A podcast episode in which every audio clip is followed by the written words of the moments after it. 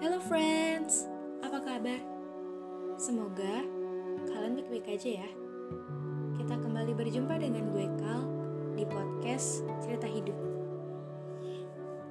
Sebelumnya, gue mau bilang makasih dulu buat kalian yang lagi dengerin podcast ini di mana pun dan kapan pun. Dan gue juga mau bilang makasih buat kalian yang always support gue untuk terus berkarya. Bicara soal hati, emang gak ada yang tahu, gak ada yang paham. Karena emang cuma diri sendiri dan Tuhan yang paham apa yang diri ini mau. Sekalipun kita cerita sama orang-orang terdekat, terlepas siapa pun itu, orang tua, sahabat, teman, atau bahkan pasangan Terkadang mereka bersedia hadir karena emang kita yang minta, bukan untuk menenangkan. Sering juga kata-kata yang keluar hanya sebatas sabar ya, atau ya ampun, ya udah, yang tenang ya. Dan masih banyak lagi kalimat penenang lainnya yang sebenarnya diri kita juga bisa mengucapkannya. Bukan gak bersyukur, Cuma ya kita ketika sedang berada di posisi seperti itu, kita butuh seseorang untuk berada di samping kita yang bersedia dengerin curhatan kita, yang bersedia menyeka air mata kita, yang bersedia memberikan bahunya sebagai tempat bersandar. Sebagai manusia, kita butuh sesuatu yang memang berbanding terbalik untuk menyesuaikan sesuatu. Semua yang berlebihan itu gak baik dan semua yang terlalu kurang juga gak baik. Kenapa gue bilang gak semuanya harus dibicarakan?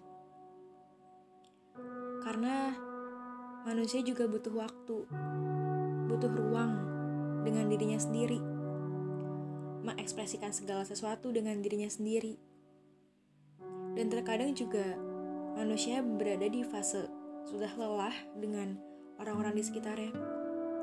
Dengan respon mereka yang terlalu cuek ketika kita minta bantuan mereka. Dan masalah yang sebenarnya berat tapi enggan untuk bercerita. Atau bahkan mereka yang hanya sekedar penasaran. Membuat kita berpikir dua kali untuk terlalu terbuka dengan orang lain Terkadang ucapan coba sini omongin dulu. Itu cuma omong kosong belaka yang gak ada gunanya. Muak banget untuk didengar. Orang-orang hadir hanya karena mereka ingin tahu bukan karena mereka peduli. Dan ujung-ujungnya diri sendirilah yang menentukan kebahagiaannya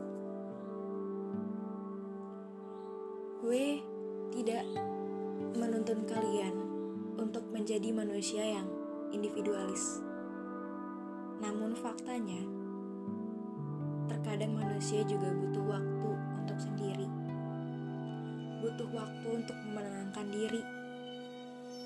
Butuh waktu untuk melepas semua lelah, penat, beban pikiran, dan semua keresahan lainnya yang terjadi dalam waktu yang mungkin panjang.